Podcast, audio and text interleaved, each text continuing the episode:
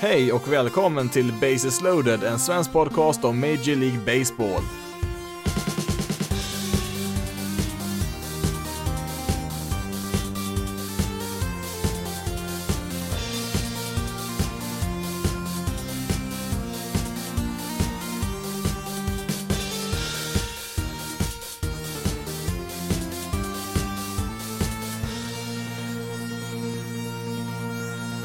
Hej och välkommen till veckans avsnitt av Bases loaded, en svensk podcast om Major League Baseball. Och detta avsnitt kommer i stort sett bara att handla om årets draft som kör igång här på onsdag. Eh, det har ju inte varit speciellt mycket nyheter de senaste veckorna här. Hoppar ju över förra veckans avsnitt för att det inte hade hänt speciellt mycket under den veckan där och eh, sen den veckan har passerat så eh, Ja, ärligt talat så har det inte hänt så mycket sedan dess heller, utan det är ju förhandlingar fram och tillbaka, lite rykten och sånt som eh, åker omkring, men i, i det stora hela så är det ju nästan inget eh, konkret här som har eh, som man har beslutat om när det gäller en säsong då i år och ja, det enda som har förändrats egentligen sedan jag spelade in senast då för två veckor sedan, det är väl att risken för att en säsong inte ska bli av alls har ju ökat. Den ökar ju för varje dag som går här utan ett beslut. Eh, nu tror jag väl nog ändå att någonting kommer det att bli när det gäller spel i år, men eh, det blir ju bara färre och färre matcher för varje dag som går här, för att vi har ju passerat både en och två deadlines för när man eh, ville ha ett eh, beslut av för hur det skulle se ut då, så att man skulle kunna vara igång säg i början av juli där, hade varit ganska perfekt att kunna starta, säg fjärde juli då, alltså nationaldagen där i USA, hade varit ganska bra att kunna starta där, men eh, Ja, det ser ju ganska mörkt ut att kunna göra det för att eh, man behöver ju, säger man, tre veckors springtraining och eh, ja, just nu är vi väl i stort sett tre veckor ifrån eh, eh juli månad här så att eh, det, lär ju dröja ett litet tag till innan vi har ett beslut eh, på plats här så att eh, Ja, jag vet inte när nästa deadline är här, men eh, ja, vi får väl kanske rikta in oss kanske i mitten av slutet av juli innan det är spel igen då som det ser ut just nu och Eh,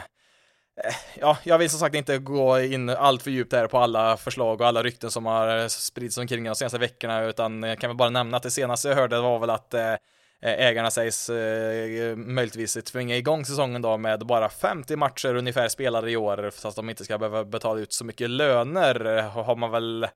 ja, det är väl en sån här sak man läckt ut i media i alla fall, att de, de hotar lite grann med det här. Sen om det är någonting de verkligen eh, tänker att genomföra eller om det bara är en förhandlingstaktik, eh, ja, det är det nog ingen som vet, men eh, eh nej, som sagt, jag tänker inte rota mig ner i det här något mer just nu. Jag är ganska trött på att lyssna på allt som går fram och tillbaka, utan vill bara ha ett konkret beslut. När startar springtraining igen? När startar säsongen igen? Och så vidare. Det är det enda jag är intresserad av just nu och ja, tills dess så släpper vi alla rykten och förslag eh, och eh, fokuserar på det som faktiskt eh, kommer att hända den här veckan. Och det är ju då som sagt MLB-draften. I vanliga fall så brukar MLB-lagen då få drafta i 40 runder, alltså varje lag får välja 40 spelare då i tur och ordning då en åt gången så, men i år då kommer det bli en betydligt mindre draft på endast fem draftrunder Eh, jag tror väl till och med några ägare helst vill hoppa över draften helt och hållet och egentligen satsa på att eh, drafta nästa år, men eh, man blir väl övertalad här att i alla fall ha en minimal draft här då på fem runder och mm, det är klart, man vill ju inte spendera så mycket pengar i år då på draftade spelare här då eftersom att man inte har så mycket inkomster då när det inte spelas någonting då och inte har någon publik och sånt där. Men man har väl sagt så här då att alla spelare som draftas kommer att få upp till 100 000 dollar då utbetalt i år, eller ja, de kommer få Eh, minst 100 000 dollar utbetalt i år på sin bonusdag. Sen kommer de få resten av sin bonusdag utbetalat nästa år och året därefter. Eh, eh, bonusen som spel spelarna kommer att få är ju för övrigt densamma som de fick förra året då, så att de som väljs eh, högst upp i draften kommer fortfarande få flera miljoner dollar då, men det kommer spridas ut över eh, lite fler år då och eh, ja, det, det, det, är väl så att man har väl mer pengar tillgängligt då nästa år och året därefter när man kan spela mer normala säsonger. Eh, hur mycket pengar lagen har att spendera då i den här draften, eh, det är ju då kopplat till deras draftval. För varje draftval är ju kopplat till ett visst värde som kallas för slottvärde eller slottbonus. Eh, värdet då på varje draftval blir ju lite mindre för varje val som går då, alltså exempelvis Tigers då, de har ju det första valet i draften i år och eh, första valet i årets draft har ett slottvärde på 8,4 miljoner dollar. Eh, alltså det är då den summan som eh, Tigers då kan lägga till i sin draftbudget då eh, för just det valet. Sen har de ju andra draftval också senare som också är värd en viss summa pengar. andra valet då i draften har ju Orioles, där har vi ett slottvärde på 7,7 miljoner och sen fortsätter det neråt då lite mindre och mindre för varje val som går då hela vägen ner till sista valet i draften och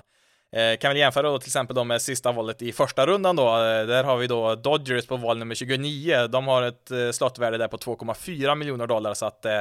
Eh, värdet eh, sjönk ju på draftvalen ganska snabbt här i första rundan, men sen stabiliserar sig lite grann mer i andra rundan och därefter för att eh, eh den, det första valet där i andra rundan har ett slottvärde på 1,9 miljoner och det sista valet i samma runda då är 1,1 miljoner dollar. Så att det, det, är betydligt mindre skillnad om man kommer lite längre ner där. Så att Eh, det är ju bara de här lagen högst upp i draften då som har ganska mycket större draftbudget då kan man ju säga.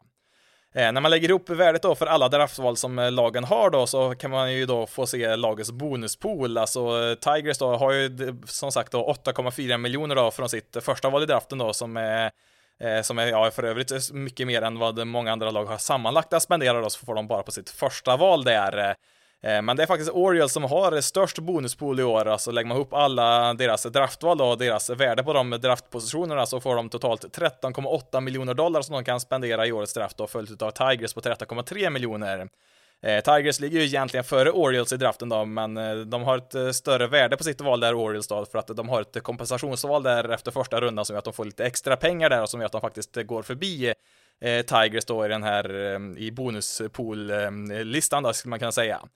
Kollar vi istället i botten på den här listan så hittar vi Houston Astros eh, som bara kan spendera 2,2 miljoner dollar i år och eh, det beror ju på att eh, de såklart då straffades i science dealing-skandalen då här i vintras där deras första och andra val i draften försvann dels i år och även nästa år. Eftersom att eh, Astros då inte har något val i första eller andra rundan, eh, ja då får de inte heller några bonuspengar att spendera där eh, för de draftvalen eftersom de draftvalen inte existerar och ja, det blir väl ett litet extra straff på ett sätt då att de får mindre pengar att spendera i draften här då. Um, eh, kan jag säga så här också att deras första val i draften kommer ju först med val nummer 72, alltså det är ett kompensationsval efter runda två där som de fick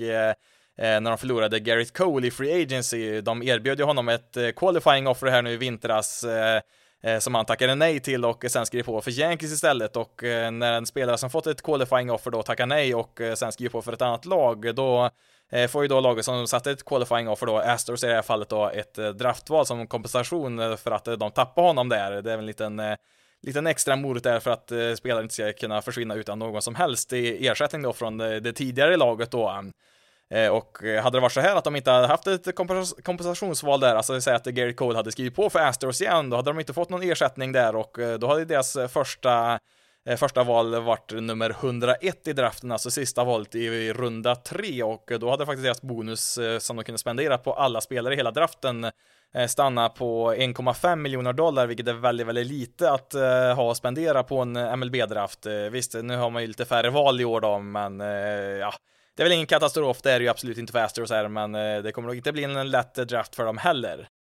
Hur som helst då så får ju lagen sprida ut den här summan pengar man har att disponera här i draften på lite olika sätt där. Man kan i stort sett eh, sprida ut den hur man vill. Det finns väl vissa begränsningar så, men eh, eh, vanligtvis då så försöker ju lagen i första rundan till exempel att erbjuda en något lägre bonus än slottvärdet. Alltså slottvärdet är väl, ska man kunna säga, en rekommendation för hur stor bonus en spelare ska få för varje draftposition. Alltså då det rekommenderade slottvärdet då är ju 8,4 miljoner dollar då som sagt på första valet där för Tigers då. Eh, och om vi då stannar på just Tigers då, de valde ju även som nummer ett i draften 2018 när man valde Casey Mice, pitchen där, och han fick ju en bonus på 7,5 miljoner dollar som första val. Och slottvärdet var ju just det året på 8,1 miljoner dollar där, så att de sparar ju alltså in där Tigers 600 000 dollar då som de kunde spendera lite senare i draften då på andra spelare. Eh, troligtvis så kommer de, de försöka göra detsamma i år då, att eh, spara in några hundratusen dollar kanske då på första valet här och eh, man kanske då kan eh, locka till sig någon eh, lite bättre spelare då senare i draften då som eh, kanske annars hade tänkt sig att eh, spela på college istället då för att det blir proffs. Ehm, Eh, så här är ju då de flesta lagen främst i första rundan, men ja, det är väl en del som också får det exakta slottvärdet där, men man försöker väl att kunna spara in lite grann i alla fall då för senare i draften. Eh, det är väl ganska ovanligt eh, kan vi säga också att spelare får mer än sitt slottvärde då i första rundan, utan eh, eh, det är ju då spelare som går lite senare i draften som kanske hade tänkt att eh, ja, nej, men jag ska spela på college i år här, men så kommer kanske något lag här och erbjuder några hundratusen dollar extra här för att komma till dem då som de har sparat in på något annat draftval högre upp där och ja, då kanske de kan övertyga den här spelaren att ja, okej, okay, jag kan skriva på här och bli proffs där istället för att eh, eh, spela på college då och eh, ja, det är väl lite så tanken är i alla fall där så att det är lite taktik i hur man eh, drafta spelare också för att eh, man kanske vet att vissa spelare kommer att kräva en väldigt hög bonus och då även om det kanske är den bästa spelaren så kanske de tänker att nej, vi har inte vi har helt enkelt inte pengar för att eh, drafta den här spelaren här, utan vi får ta någon annan här som kanske är något sämre då egentligen, så att eh, eh, det kan vara en ganska komplicerad process när man kommer lite längre ner i draftrundorna här, hur de, vilka spelare de, som, som de faktiskt väljer. Hur kommer då lagen att tänka i årets draft? Ja, det är ju såklart svårt att säga på förhand där, men en gissning är väl att de nog kommer att välja en del lite mer säkra kort, främst college-spelare då som är mer etablerade och har spelat lite mer då än de lite yngre high school-spelarna. Eh, en annan sak, eh, ja det här gäller väl i och för sig varje år då, inte bara i år, men om vi kollar på drafterna i de andra amerikanska sportligorna där, så om vi kollar till exempel i basketen eller i amerikansk fotboll, eh, de spelarna som går högst upp i draften där, de förväntas ju kunna bidra mm, i sina lag då redan från dag ett då. De ska ju inte ner i något mining League-system och spela innan de kommer upp där som de gör i MLB. Eh, och eftersom att MLB då har en sån unik situation där att eh, alltså de som draftas, även eh, första valet i den här draften kommer ju att spendera ett par, tre år minst i, i ett mining League-system då innan de får debutera i MLB och det betyder ju då att man ska ju välja bästa tillgängliga spelaren oavsett deras behov på MLB-rostern för att eh, exempelvis då i NFL då, amerikansk fotboll,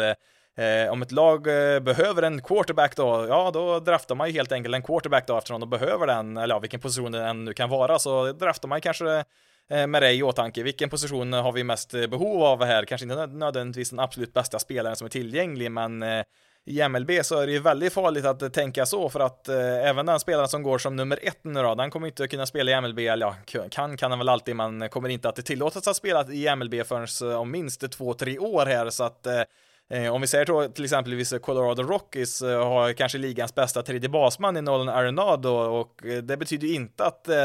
man får välja bort alla tredje basmän som är högt upp i draften här, utan har man sin tur att välja här och den klart bästa spelaren är en tredje basman Ja, då är det strunt samma egentligen vilken eh, spelare man har i nuläget på sin roster. Alltså ett, eh, en spelare som eh, man har just nu på sin MLB-roster kan ju tradas, bli skadad eller vad som helst egentligen. Så att Eh, om du ser att ditt eh, favoritlag kanske draftar en spelare som är väldigt lovande på en position som eh, det redan finns spelare på i, på MLB-rostern så ja, tänk inte så mycket på det för att det kommer dröja flera år. Det kommer dröja två, tre, fyra, ibland fem år innan de här spelarna är redo för att spela i MLB och då har ju situationen kanske förändrats ganska mycket. Så att, ja, det bästa möjliga spelaren ska man absolut välja här, högt upp i draften i alla fall. Sen har man kanske två spelare som man tycker är exakt lika bra, ja, då kanske man kollar på vilken position de har lite större behov av i deras minor League-system då, men i regel då så ska man ju välja bästa spelaren. Vi kan ju säga så här också att eh, från förra årets draft då, alltså 2019, så är det ingen av de spelarna som har debuterat i MLB ännu och hoppar vi ytterligare ett år bakåt då till 2018 så hittar jag bara en spelare som har debuterat i MLB. Eh, det var ju Cubs infielder Nico Horner där som kom upp i september och spelade väl rätt bra där om jag kommer ihåg rätt. Eh Eh, ytterligare ett år bakåt då, 2017, eh, från den draften så är det bara nio stycken som har gjort sin MLB-debut och eh, då får vi komma ihåg då att det draftas ju över tusen spelare i varje draft. Inte i år då, i år blir det lite speciellt då, men alla föregående drafter här som man kommer nämna så har det draftats då Ja, det blir väl runt 1200 spelare och utav de 1200 så är det bara nio stycken då som draftades 2017 som har gjort sin MLB-debut. Visst, nu hade det säkert blivit några fler då om den här säsongen hade spelats som vanligt då, om den hade startat eh, via opening day där i slutet av mars så hade det säkert några till från den draften debuterat vid det här laget då, men eh, eh det är ju som sagt eh, ganska få som får debutera så här snabbt efter sin draft. Eh, utav de där nio då från 2017 eh, så är det väl Keston Hera som har stickt ut mest där, Brewers andra basman. Eh, det är väl egentligen först då draften 2016 som vi ser antalet spelare öka för att eh, där har vi 69 spelare från den draften som har eh, spelat i MLB och 112 stycken från draften 2015. Med andra ord så tar det minst, ja minst en två, tre år brukar det ju ta då. Det finns väl ett och annat undantag som kan komma upp lite snabbare då, men en två, tre år får man i alla fall räkna med att det tar innan de här draftade spelarna kommer upp och ja, många gånger så tar det även fyra, fem år då, framförallt vissa positioner som catcher Eh, tar ju lite längre tid innan de spelarna får, får komma upp då på MLB-nivå och Eh, sen är det ju så här också en viktig sak att eh, komma ihåg att även om man eh, väljs högt upp i en draft så finns det ju inga som helst garantier att man kommer bli en bra spelare. Jag kollade på några drafter den senaste tiden och fastnade lite på draften här 2013. Första valet i den draften gick till Astros, Mark Appel, som, ja, om du inte har hört hans namn förut så, ja, det finns en anledning till det för att Eh, han är faktiskt den tredje spelaren någonsin som har valts som eh, nummer ett i en draft då utan att spela en enda MLB-match. Eh, senast jag hörde från honom var väl något år sedan när han hade gett upp sin karriär så att han blev ju en total flopp där trots att han valdes först i hela draften. Val nummer två där var ju för övrigt Chris Bryant som gick till Cubs då, lite mer lyckat, men om vi kollar på första rundan där i den draften så visst, det är väl en och annan Eh, spelare som man känner igen där så som är etablerad och ja, det är väl en del bra spelare också. Det är inte så att det är bara massa dåliga spelare där i den här första rundan, men eh, det är inte så att det finns en eh, jättemånga superstjärnor. Det är väl Chris Bryant då som sagt som är undantaget där. Men det som är intressant här då, det är att en spelare som Aaron Judge, i stort sett varenda lag tror jag hade chansen att välja honom här, men han gick i sista, eller var näst sista valet där i första rundan då 2013, där när Yankees valde honom där, så att Eh, det finns ju kvalitet att hitta i hela draften, eh, framförallt i första rundan så kan man absolut hitta en framtida stjärnspelare även om man väljer mot slutet där i första rundan. Eh, till exempel Mike Trout valdes väl som nummer 23 eller 24 och sånt där i sin draft där och ja, vi vet ju hur det gick med honom. Eh, sen så finns det såklart väldigt mycket kvalitet även i andra draftrundor längre ner också. Om vi stannar då på just 2013 så har vi bland annat eh, Cody Bellinger. Han valdes då i runda fyra och ja, han blev ju en MVP här nu i år eller ja, rättare sagt det förra året då, men vi har även spelare som Trey Mancini, han är väl Orioles bästa spelare, han valdes i runda åtta. Eh, Twins catcher Mitch Garver, han valdes i runda nio. hade ju ett genombrott förra året och var väl en av ligans eh, bättre catchers. Eh Eh, även Mike Talkman eh, valdes i runda 10 här och var väl en av Yankees, eh, ja inte viktigaste var han väl inte outfielder där, men han var ju ganska viktig där med alla deras skador där stundtals under förra året. Och sen hittade jag även Mats, Mets Jeff McNeil där i runda 12. Han fick ju också ett riktigt stort genombrott där förra året så att det finns mycket kvalitet att hitta även då bortom de här första valen i draften såklart. Nu är det ju bara fem draft Eh, runder då i år då, men man kan ju ändå hitta eh, spelare långt, långt bak i draften som kan bli superstjärnor eh, och ja, det finns ju ganska många exempel på det så att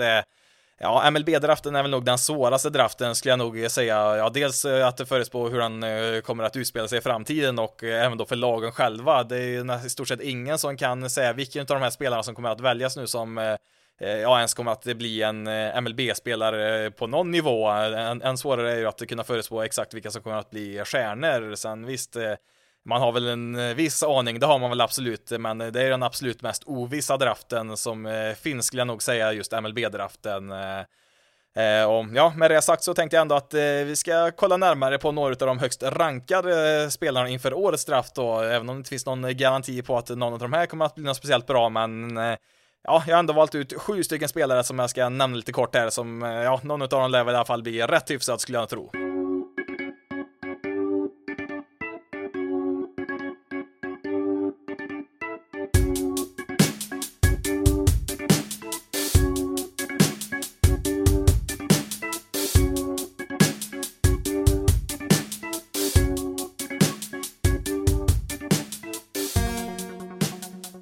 Som sagt då har jag plockat ut sju stycken spelare jag tänkte att vi skulle kolla lite närmare på här som tillhör den eh, absoluta toppen här då som förväntas eh, gå, jag tror nästan alla de här förväntas gå topp 10 eller ja, någonstans runt där i alla fall. Eh, tänkte då börja med fyra stycken slagmän som jag valt ut här och ja, först och främst då så passar det väl bäst att börja med den spelaren oavsett position då som de flesta tror kommer att gå som nummer ett här till Tigers.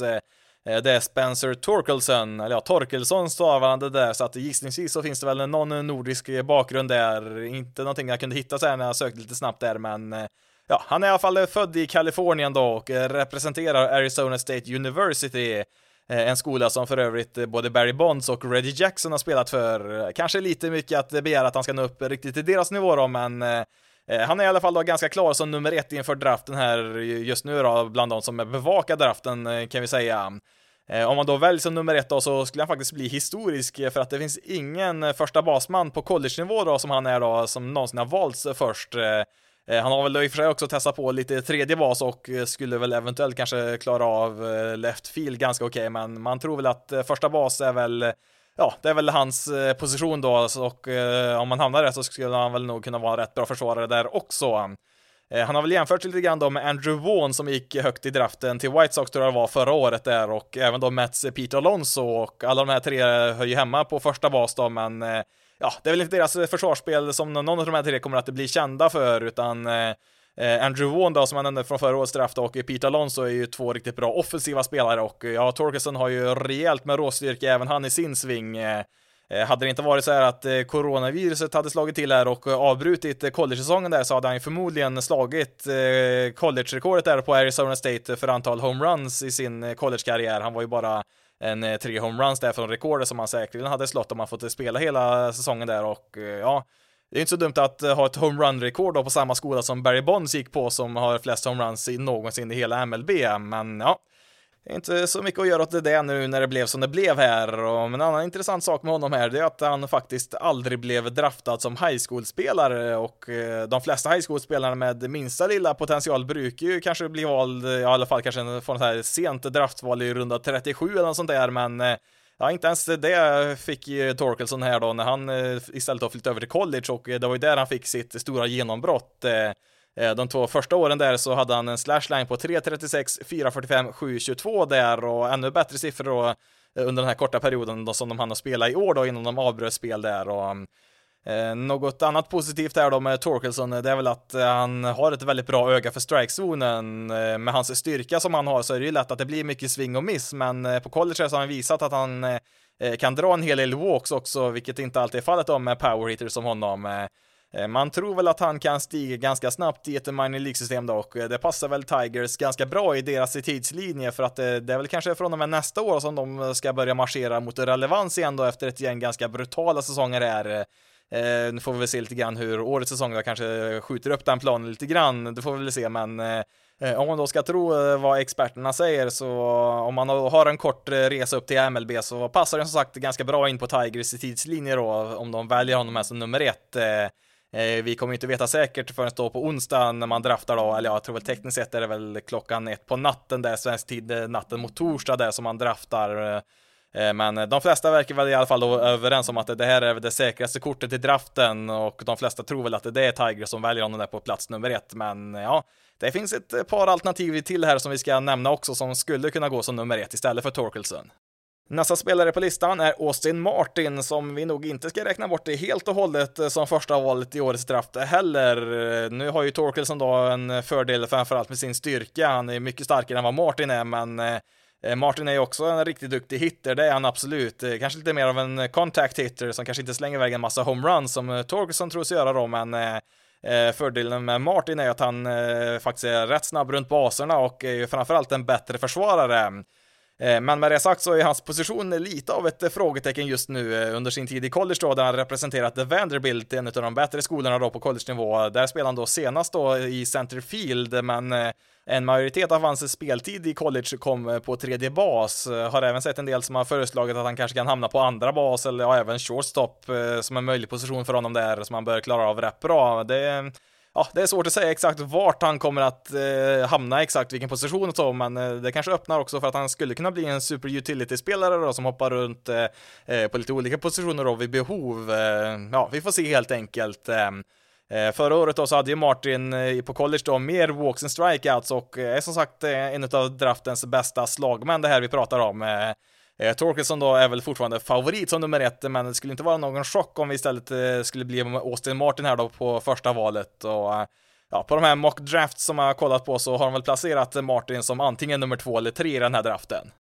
Torkelson och Martin verkar väl de flesta vara överens om att det, det, är de två bästa slagmännen i den här draften och sen efter det så finns det väl lite olika tolkningar vem som är nummer tre här och den jag tänkte nämna som är en av dem som kan placeras in här det är Nick Gonzales. Han är väl kanske den som eh,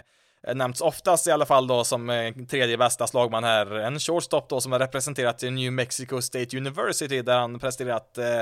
eh, löjligt bra siffror. Han har en slashline på 4.32, 5.32, 7.73. Det var förra året det och eh, på de 16 matcherna som han spelade i år då innan allt spel avbröts så slog han iväg inte mindre än 12 homeruns. Eh, nu är det viktigt att eh, komma ihåg här också att New Mexico har lite samma problematik som eh, Colorado Rockies har på Coors Field, alltså de spelar på ganska hög höjd där som ger en offensiv boost där för de som spelar där, så att det förklarar ju till viss del de här helt fantastiska siffrorna som Gonzales har presterat där i college. Men då ska vi också nämna att Gonzales utsågs till MVP i Cape Cod League med riktigt bra siffror. Alltså Cape Cod League är en sommarliga där många av de bästa college-spelarna deltar då efter att eh, college-säsongen är över då, där man kan se de bästa amatörspelarna i landet och spela mot varandra där så att de får ganska bra motstånd där och han var ju som sagt då eh, ligans bästa spelare där förra sommaren. Det är väl dock lite oklart om han kommer att stanna på shortstop, inte klockren där på något sätt. Han kan mycket väl bli en eh, andra basman också där framöver och har väl jämfört lite grann med Brewers, Brewers Keston Hera som för övrigt spelar på andra bas då. Dock har väl Hera lite mer kraft i sin sving där samtidigt som Gonzales är väl lite vassare defensivt. Eh, men skulle han hålla sig kvar på shortstop så skulle han kunna bli en riktig stjärna förutsatt att hans egenskaper som slagman utvecklas som väntat är, för det kryllar ju inte direkt utav offensivt duktiga shortstops. Eh, eh, faktiskt bara 15 shortstops i MLB som hade en VRC plus på 100 eller högre förra året och endast 6 stycken hade en VRC plus på över 120. Utav de där sex så var det ju Alex Bregman, Sander Bogarts, Marcus Semien, Tim Anderson, Gleyber Torres och Trevor Story. Ja, inget dåligt sällskap direkt att slå sig in där om saker och ting flyter bra på bra för honom där. Eh, ja, Alex Bregman är väl tekniskt sett en tredje basman, men han spelade ju en del shortstop i år då när Carlos Correa var skadad där i Astros, men eh, ja, i vilket fall som helst, eh, de mockdrafts som jag kollar på här har väl placerat Gonzales någonstans mellan val 4 till 7 där. Eh, det är väl generellt sett ett par pitchers som har kommit till lite senare som framförallt rankas lite högre där än honom där, men han bör i alla fall eh, bli vald bland de tio första valen i årets draft. Till sist har vi då Zach Wien, den sista slagmannen jag tänkte nämna här, den högst rankade high school-spelaren i årets draft, eh, väl den enda high school-spelaren jag tänkte nämna här idag. Eh. Har vi sett honom placerad ibland över och ibland under Nick Gonzales olika rankingar då, men han bör väl även han väljas någonstans här i topp 10. Eh, ja, eventuellt så blir han kanske den enda high school-spelaren som draftas i topp 10 i den här draften. Eh, men i alla fall då så är han en spelare som etablerar sig ganska sent här inför draften. Det var väl först egentligen eh, förra sommaren som många fick upp ögonen här för Zach Wien och hade han fått visa upp sig här även under våren då med en vanlig säsong då så är det ju möjligt att han hade klättrat ännu lite högre upp på rankingen och ja, han är en outfielder här då som jämförts med Cody Bellinger och även lite grann med Christian Jelic då när det gäller kroppsbyggnad ja, inte så illa att jämföras med National Leagues två senaste MVPs, men eh, ja, eh, det här är ju såklart då bara lite grova jämförelser då, eh, men ja, han är ju lite lång och lite spinkig så, som man ibland kanske har sagt om till exempel då Jelic. Ja, nu är det väl kanske inte helt rättvist att kalla Christian Jelic för spinkig, men ja, ställer honom bredvid sig Mike Trout som är en 20 kilo tyngre så ja, då ser han väl kanske inte riktigt så muskulös ut som en del andra spelare, men Ja, tillbaka till eh, Wien här då. Hans officiella vikt är 86 kilo, vilket inte direkt hör hemma i lättviktsklassen på något sätt, men med 193 centimeter då från eh, topp till tå så finns det minst sagt utrymme för att bygga lite mer muskler där som kan hjälpa hans utveckling då som slagman. Eh, han har ju på sistone då spelat mest som centerfielder, men tros väl kanske höra hemma på någon utav kanterna där i ett outfield i framtiden. Ja, inte helt olikt Christian Jelic som spelar i right field. Eh, såg en mockdraft som faktiskt placerade Wien som val nummer två i draften till Orioles som eventuellt vill spara lite pengar till senare i draften och eh, kanske då väljer en spelare som eh, Wien då som mm, kanske kan eh, Ja, där de kan komma undan med att erbjuda en lite lägre bonus då, jämfört med ett par andra lite högre rankade spelare och ja. Hur som helst så verkar han i alla fall då, som jag nämnde vara ett topp 10-val i årets draft.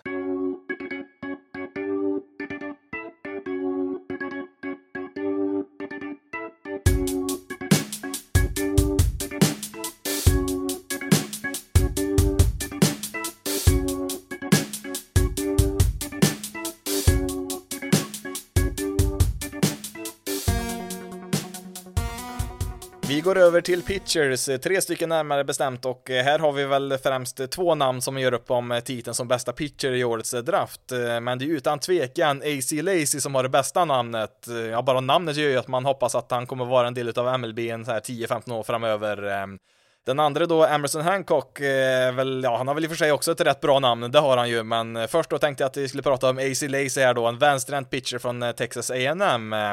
Eh, Lacey har ju då en riktigt vass fastball slider combo där med en rätt bra changeup och ja, en duglig curveball sägs det väl där så att det finns en rätt bra pitcharsenal där. Eh, framförallt hans slider ska vara riktigt, riktigt bra. Eh, han kan i nuläget kasta upp till en 98 miles per hour där, men snittar väl eh, lite, lite under där, runt 94-95 där. Hans svaghet är väl att han kan vara lite vild ibland och sprida bollarna lite väl långt eh, bort från strikezonen och han är väl inte alltid så jätteeffektiv då han ofta hamnar i långt utdragna at-bats och som han visserligen då ofta tar sig ut och striker ut en hel del motståndare men det drar ju också upp eh, eh hans pitch count som gör det svårare för honom att hålla sig långt kvar in i matcherna innan han eh, tagit slut då men eh, för det mesta så tror man att han kommer att välja som eh, nummer två till Orioles eller som nummer tre till Marlins. Eh, väl första pitchen eh, verkar han bli i alla fall. Eh, Eh, de flesta håller väl honom snäppet vassare än Hancock just nu, eh, ser det ut som. Eh, sen får vi väl se vad lagen värderar mest utav de här två och Ja, jag hoppas lite grann att vi kan få se lite en rivalitet mellan Lace och Hancock här. Förhoppningsvis ska de kunna hamna i samma liga i alla fall, för att de här två är nämligen födda Eh, bara ett par, tre dagar ifrån varandra. Båda två fyllde 21 där bara för eh, drygt en vecka sedan, så att eh, det skulle vara kul om de draftades direkt efter varandra och nästan i stort sett dela födelsedag här och följa varandra genom hela karriären här. Det skulle vara Ja, det skulle vara en intressant rivalitet om det kunde utvecklas där, en bra storyline där att följa om det skulle bli så. Mm, Eh, Hancock var väl en av de här två som eh, rankades högst för ett år sedan. Han var ju riktigt stark där under förra våren där på college-nivå där. Sen kom ju Lacy ganska starkt på slutet där och var ju duktig under sommaren. Eh, framförallt så var ju Lacy riktigt dominant här under de här få matcherna han spelade i, i våras här då. Han hade ju en ERA under ett där innan säsongen avbröts här under våren så att Ja, Lacey och Hancock är ju två av de här som, de två pitchers som förväntas gå högst här, men Lacey är väl som sagt den som eh, anses vara snäppet bättre utav de här två just nu eh, och eh, han har helt klart det bättre namnet, det har han absolut. AC Lacy, förmodligen draftens bästa namn. Om vi då istället eh, blickar mot just Emerson Hancock specifikt så, ja, han har ju inte så dumt namn han heller. Det har han absolut inte och han, han kommer ju som sagt förmodligen vara en av de två första pitchers som går i den här draften. Eh, det som gjorde att han kanske har tappat lite gentemot Delacy då, det är att han fick vila hela förra sommaren med en ömmande arm, vilket, eh, ja, det är såklart inte ett gott tecken då, men eh, eh, under våren då förra året så var han helt klart den bästa college-pitchern, så att eh, det finns en del kvalitet här såklart. Ehm, eh, Hancock kassar ju i stort sett lika hårt som Lazy, men är väl bättre på att placera bollen där han vill ha den och tillåter ju väldigt få walks som resultat. Ehm, Eh, däremot så är hans pitchmix kanske inte riktigt lika vass. Eh, framförallt saknar han väl kanske vad som kallas en wipeout pitch, alltså något eh, typ av kast som han kan dominera motståndare med och plocka fram när det behövs som allra mest. Han har ju dock även han då fyra typer av kast som är över genomsnittet, men kanske saknar det där lilla extra i någon av de där fyra. Hur som helst då så bör han vara den första eller andra pitchern då som draftas i år. Har vi sett honom placerats på ja, plats 4 till 7 i mock drafts där så att han kan kanske trilla ur eh, topp 5 där, men han är väl mer eller mindre garanterat att väljas i topp 10 i alla fall. Den eh, tredje och sista pitchern jag tänkte nämna är Reed Detmers. Eh, ja, det är väl ett namn som fungerade också faktiskt. Eh, en vänsterhänt pitcher från Louisville, ett lag som han hjälpte fram till semifinalen i förra årets College World Series, där de till slut åkte ut av mot blivande mästarna Vanderbilt. Eh, Detmers kastar ju betydligt lösare än eh, både Lacy och Hancock, eh, för han kastar ju strax över 90 miles per hour och ja, ibland är han strax under 90 också där, men Eh, hans styrka ligger ju i hans förmåga att pricka strikezonen och kan en pitcher konsekvent placera bollen där han vill ha den så krävs det ju inte någon sån här eh, vansinnig hastighet varje gång där för att vara effektiv och han var ju en strikeout machine i college så får väl se om det kan fungera även här i MLB då om han når dit. Eh, han sägs väl vara den mest mogna pitchern i draften och eh, bör ha kortaste väg upp till MLB och eh, det kan ju inverka vilket, ja, vilket lag som skulle kunna tänka sig att ta honom där för att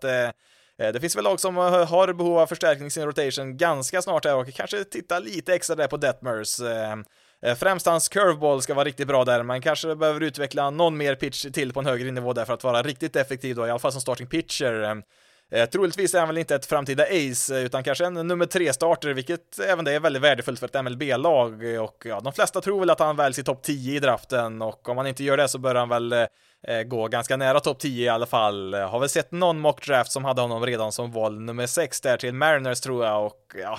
jag har svårt att se att han går högre än nummer 6 i draften. Det är väl nog hans absoluta tak där, men han bör gå i den första halvan i alla fall skulle jag kunna säga. Då får det nog räcka här för veckans avsnitt som helt enkelt får en eh, liten eh, draftspecial här då. Jag har ju fått höra här om sju av de högst rankade spelarna inför årets draft här då. Kanske inte de sju som kommer gå eh, på de sju första platserna, men de bör väl gå i den första halvan i alla fall utav första rundan skulle jag tro när det gäller alla, alla de här sju namnen som jag nämnt här. Eh, draften är ju som sagt då på onsdag börjar den, eller ja, tekniskt sett börjar den väl torsdag svensk tid då eftersom den börjar ett på natten där då, men eh, när du vaknar på torsdag morgon där så bör väl första och jag tror även andra rundan vara klar där så att eh, eh, torsdag morgon då får man helt enkelt eh, kolla vilket, eh, vilka spelare ert favoritlag fick där och eh, ska väl eventuellt eh, kanske ja, skriva lite om de här spelarna på hemsidan. Det var länge sedan jag skrev där så att jag tror det kanske passar bättre där att skriva lite kort om alla spelare i första rundan där som jag gjorde förra året lite grann vet jag att jag gjorde så att eh, kanske kan ha koll lite på hemsidan där till helgen tänker jag kanske hade lyckats lyckas skriva lite grann om eh, alla lagens val där i första rundan. Eh, I övrigt då så, ja, det är inte så mycket nyheter nu eh, egentligen, utan det är mest förhandlingar som går fram och tillbaka som, ja, vi hör inte så jättemycket konkret eh, vad som föreslås där, utan vi får väl lite rykten här och där om vad man kan tänka sig och så, men eh, Eh, som det ser ut just nu så har de ju inget eh, bestämt i alla fall hur det ska se ut och eh, för varje dag som går som sagt så är det ju en ökad risk att säsongen ställs in. Såg precis här att jag fick någon något pling här i telefonen som sa att man har närmat sig lite grann här i förhandlingar där, att ägarna har lämnat ett förslag som var betydligt närmare det som spelarna föreslog, så att eh, Förhoppningsvis så går det väl eh, åt rätt eh, håll i alla fall och jag skulle väl, eh, ja, skulle vi inte ha något konkret förslag innan den här veckan är slut, ja, då börjar jag nog bli lite orolig faktiskt för den här säsongen. visst, nu kan man ju kanske begränsa sig till bara 50 matcher i år i grundspelet. Det kan man väl absolut, så att man kan ju skjuta på det lite grann, men Eh, Eh, ja, alltså jag har väl sagt det här i två eller tre avsnitt nu i rad att eh, man behöver ha ett avtal innan veckan är slut här för att eh, det ska kunna gå väl det här. Men ja, varje vecka som går blir ju mer och mer kritisk och man vill ju säkert försöka utnyttja den här luckan som finns just nu och eh, blir den enda lagsporten i USA i alla fall då som är igång då för att eh, har vi sett att basketen där vill starta om det är sista juli där och jag tror nog att Eh, Eh, MLB vill eh, få den där boosten av att vara det första, ligan som är tillbaka där, i alla fall då ibland lagsporterna. Det är väl några andra sporter som har smugit igång där, där borta än så länge då, men eh, ja. Jag, jag tror nog att det blir spel i år, det tror jag absolut. Exakt hur många matcher, svårt att säga såklart, men ja, vi behöver ett, vi behöver ett beslut ganska snart, får vi säga återigen här då, om det ska bli någon lite längre säsong då än bara 50 matcher. Du kan följa Basis Loaded på Twitter, Facebook och Instagram. Då letar du upp Basis Loaded SE eller så klickar du på någon av länkarna i beskrivningen på detta avsnitt. Eh, du kan även mejla till basisloadedse gmail.com. Eh, du får även gå med i Facebookgruppen MLB-fans Sweden som eh, är uppe i över 400 medlemmar just nu och vi eftersöker fortfarande en Arizona Diamondbacks supporter. Vi har alla andra lag utom just Diamondbacks så att Eh, Eh, känner du till någon eh, där ute eller själv är en Diamondback-supporter så får du jättegärna leta in där för att eh, det skulle vara kul att hitta någon supporter utav varje lag där. Hemsidan hittar du på basisloaded.se och där ska jag då som sagt under helgen försöka skriva lite grann om draften då, vilka spelare som gick till vilket lag då i första rundan i alla fall. Men eh, nu har jag pratat tillräckligt för idag. Mitt namn är Jonathan Fabri. Tack så jättemycket för att du har lyssnat på det här avsnittet av Basis loaded. Ni får ha det så bra där ute så hörs vi i nästa veckas avsnitt.